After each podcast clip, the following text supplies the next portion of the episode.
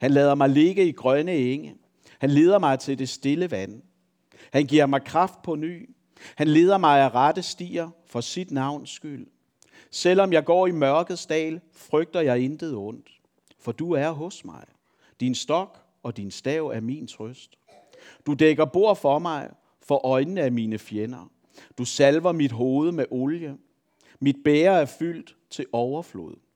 Godhed og troskab følger mig, så længe jeg lever. Og jeg skal bo i Herrens hus alle mine dage. Det er Guds ord. Amen. Værsgo og sid ned. Vi vil fortsætte med at bede sammen. Kære Gud og far i himlen, nu beder vi dig om, at du må være her med din ånd, så den kan få os i tale, så dit ord må give genklang og mening i vores liv. Jesus, vi beder dig for dem, der skal have forkyndt ordet i børnehøjde inden ved siden af. Vær med Else og anne Grete og give dem ord fra dig. Jeg beder også om, at du må være her. At du må tale til os Herre. Og Jesus, du ser, at den her dag, det er en dag, hvor, hvor, hvor nerverne er lidt mere blottede. Hvor vi er lidt mere følsomme. Hvor det hele måske gør lidt mere ondt. Fordi vi mindes, fordi vi længes og fordi vi savner. Så jeg beder dig sådan om her, at du nu må komme med din ånd. Og give os din trøst. Og give os din forsikring og vidshed om, at en dag, så skal vi alle sammen se kongen. Amen. Se, øh, nu ved jeg ikke, hvordan I som øh, sidder her har det med pensionsopsparinger. Er det noget, I gør det? Hvor mange herinde sparer op til pensionen? Ja, det var alligevel nogen sådan, ikke også? Øh, fordi vi gør det også sådan. Og øh, det tror jeg faktisk er meget klogt. Men alligevel den anden dag, så, så, så var vi ude hos Anne-Maries revisor, fordi sådan en har hun. Og så fik vi voksenskæld ud. Det ved jeg ikke, om I nogensinde har prøvet at få voksenskæld ud. Det er ikke noget, man sådan umiddelbart kan anbefale, vil jeg sige, ikke også? Fordi han synes, når han så på vores forbrug, så var det... Øh, det, var, det var jo godt, at vi kæmpede øh, sådan øh, forhold Danmark kørende, men, men alligevel... Alligevel synes han måske, at vi skulle spare lidt mere op til alderdommen. Og jeg tror jo, det er de færreste af os, der får kritik og vokser af det. Men, men der var noget andet, som sad i mig efter det her møde. Som det tog mig noget tid sådan at få gravet frem, og... Øh, som på en eller anden måde, synes jeg alligevel fik relevans for os i dag, der sidder her med følelserne lidt uden på tøjet. Fordi vi mindes dem, der har gået foran os i troen og er nået hjem til Jesus. For jeg synes jo, det er godt at spare op til pension. Jeg tror også, det er klogt. Men som vi på den hårdest mulige måde i år her i Silkeborg har oplevet, så er det ikke alle, der når pensionsalderen. Den fremtid, som vi sparer op til og skal sikre os med eller for, den er vi ikke lovet. Og det betyder jo, og det her det må gerne være gudstjenestens eko for jer den kommende uge, den allerbedste investering, du kan gøre i dit liv, det er ikke at spare op til pensionen, men det er at komme til Jesus. Og hos ham få alt for intet. For som David synger i den salme, vi nu har læst, og som vi skal prøve at stave os igennem sammen i dag, når du er der, når du er med Gud, når Herren er din hyrde, så mangler du intet. Også selvom vi mærker sorgens dybde og sorgens tyngde, som, som på en særlig måde i dag. Og det vil jeg gerne sige noget lidt om i dag. Jeg vil gerne sige noget om mørket, men inden det, så bare lige som altid nogle, øh, nogle få bemærkninger om konteksten til i dag. Der er bare to ting, vi skal have med.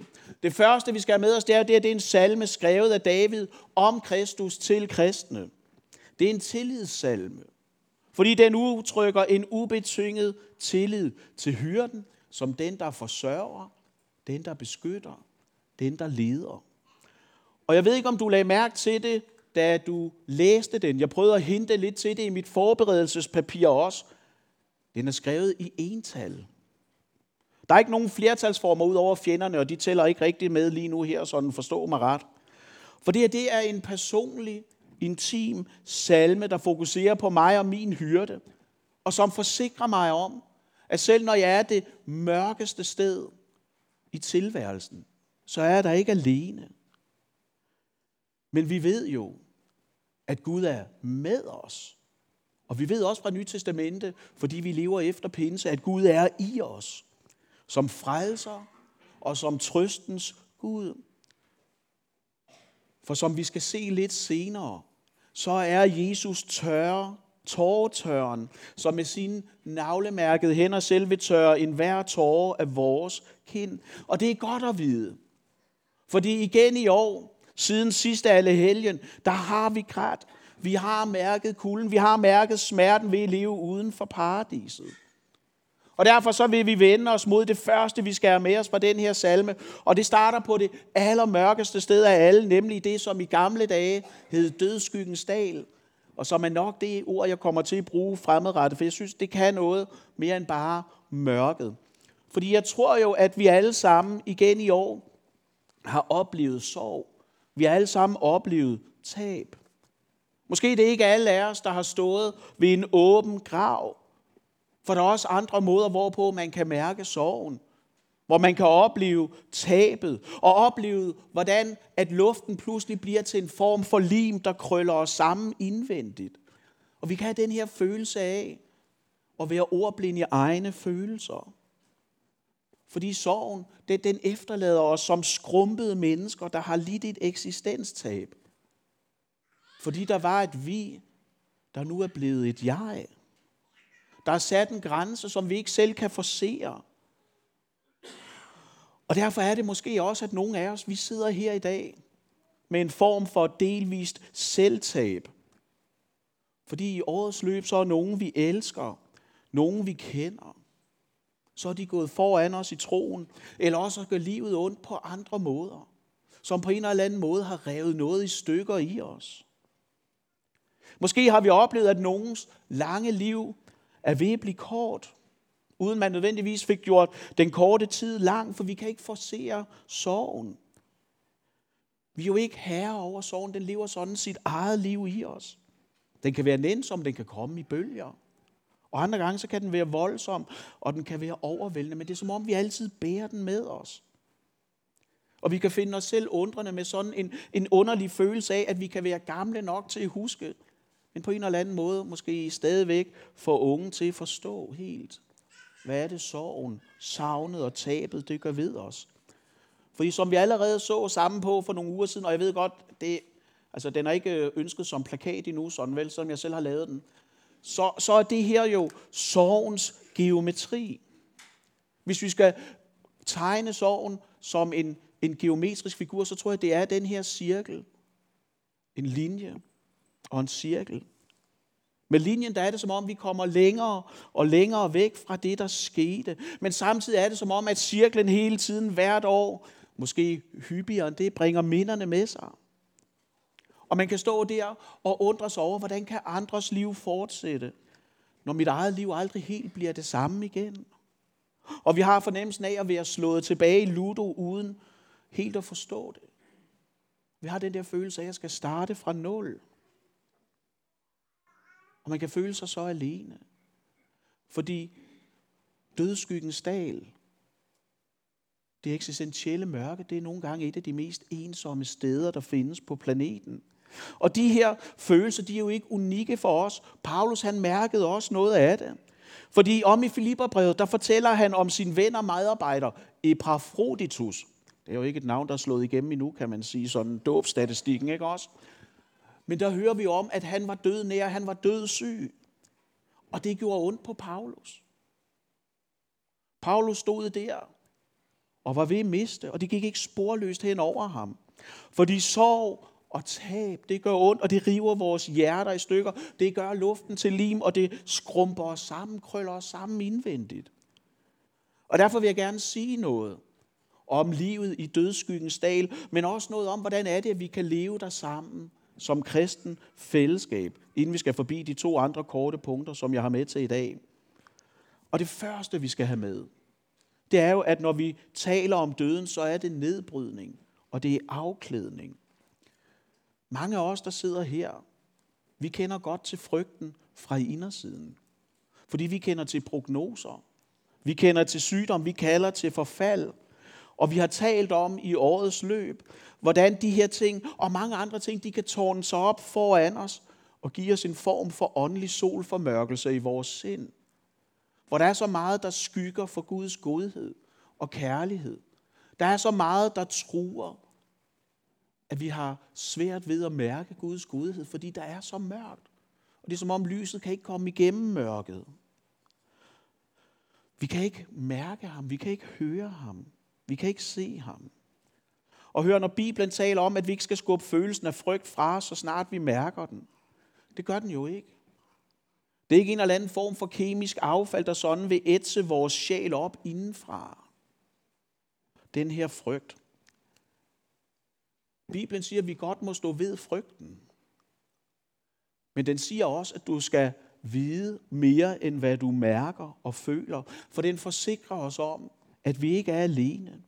At Gud selv er med os i selv de mørkeste og mest menneskeligt ensomme situationer. Der, hvor fællesskabet ikke kan nå ind, der, hvor fællesskabets ord ikke slår til, der har Gud en vej, og der er Gud med. Fordi aldrig er han gået fra os. Det kan godt være, at du som sidder her lige nu, er i en mørk og uigennemskuelig periode af dit liv. Fordi det er farvet af tab, det er farvet af bristede livstrømme, det er præget af mistet håb. Og det kan godt være, at vi andre ikke har set det. Det kan godt være, at vi andre ikke har fornemmet det. Det kan godt være, at vi ikke har tydet de signaler, du har udsendt. Og du sidder her og er voldsomt alene. Måske endda fyldt af sorg eller frustration over, hvorfor gør de ikke noget? Jeg står jo og vifter med begge arme. Kan de ikke se det? Det kan godt være, at svaret er nej, det kan vi ikke. Og så undskyld. Så råb højere. Men jeg vil gerne sige, du er ikke alene. Vi skal vide mere, end hvad vi føler. Jeg er helt med på, at mørket det er ensomhedens og fortvivlelsens sted. Men Gud er der. Som din hyrde. Og husk på, hvad han siger Jesus, da han selv identificerer sig som hyrden. Der siger han jo, ingen skal rive dem ud af min hånd. Det gælder også i dag. Bare nogle få salmer længere henne, der synger David om, at hans øje er sløret af sorg. Mit liv svinder hen i klage, mine år i suk. Men han synger også om, at mit livsløb er i Herrens hånd. Og prøv at høre den sang. Den salme må du synge anden stemme til. For ja, døden kan jo godt ende et liv, men aldrig en relation til Jesus. For prøv at høre, og det her, det er virkelig vigtigt. Hvis det første ikke blev gudstjenestens eko, så må det her gerne være gudstjenestens eko i dit liv den kommende uge. Din død er ikke stærkere end Jesus. Du er hans for, og derfor har han en livs lang, altomsluttende omsorg for dig, som han aldrig vil udlicitere til andre. Og det betyder dig, som lige nu måske er i et eksistentielt mørke, du er ikke passet af en vikar. Gud han har ikke udliciteret sin omsorg for dig til en anden. Men han er der selv. Overvågen, opmærksom og almægtig. For når du er sammen med din hyrde, så er det underforstået, at du er hans. Aldrig overladt til dig selv, nu eller i evigheden. Skal vi en dag krydse grænsen fra tid til evighed, så er det Kristus, vi møder.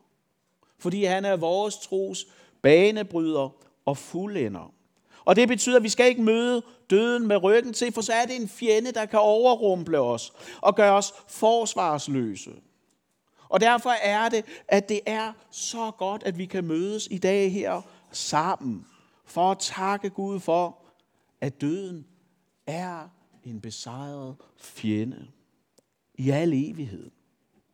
Jeg læste i forberedelsen til i dag, der læser jeg noget, som jeg bruger, og noget, som jeg tænker, kan vide, hvorfor jeg har brugt tid på at læse det. Men jeg læste altså noget om de stærke jyder, altså dem, der boede ned omkring Hedensted og så noget for mange år siden. Der blev sagt om dem, at de var, de var ikke gode til at leve, men de var gode til at dø. Og jeg håber jo, at vores kollektive nekrolog en dag vil være lidt anderledes. At vi både var gode til at leve, men også dø. Fordi vi fuldtes med Jesus. Fordi vi undervejs takkede for alle de gode gaver, Gud gav os. Og brugte dem. Og nød livet. Men vi også klamrede os til det, som blev Rosenius' trøst, da han var ved at krydse grænsen fra tid til evighed. Nemlig, at er jeg en Guds ven i livet, så er jeg det også i døden. For den, som tror, er gået fra livet, nej, fra døden til livet, allerede nu. Prøv at høre, Guds frelse og Guds velsignelse, det er ikke en eller anden form for åndelig pensionsopsparing, du først en dag langt ude i fremtiden kan nyde godt af. Men det gælder nu. Tror du på Jesus, så er du allerede nu gået fra døden til livet. For Herren er din hyrde, og du skal bo i hans hus alle dine dage. Det kan godt være, at mørket omkring dig, det kan godt være, at mørket i dig lige nu er tungt, tyngende og klaustrofobisk. Men der kommer en dag, venner. Der kommer en dag, hvor døden og forgængeligheden er en museumsgenstand. Hvor døden er noget fortidigt og udryddet. Men vi er der ikke endnu. Og derfor så græder vi. Derfor så savner vi. Derfor så går vores hjerte i tu.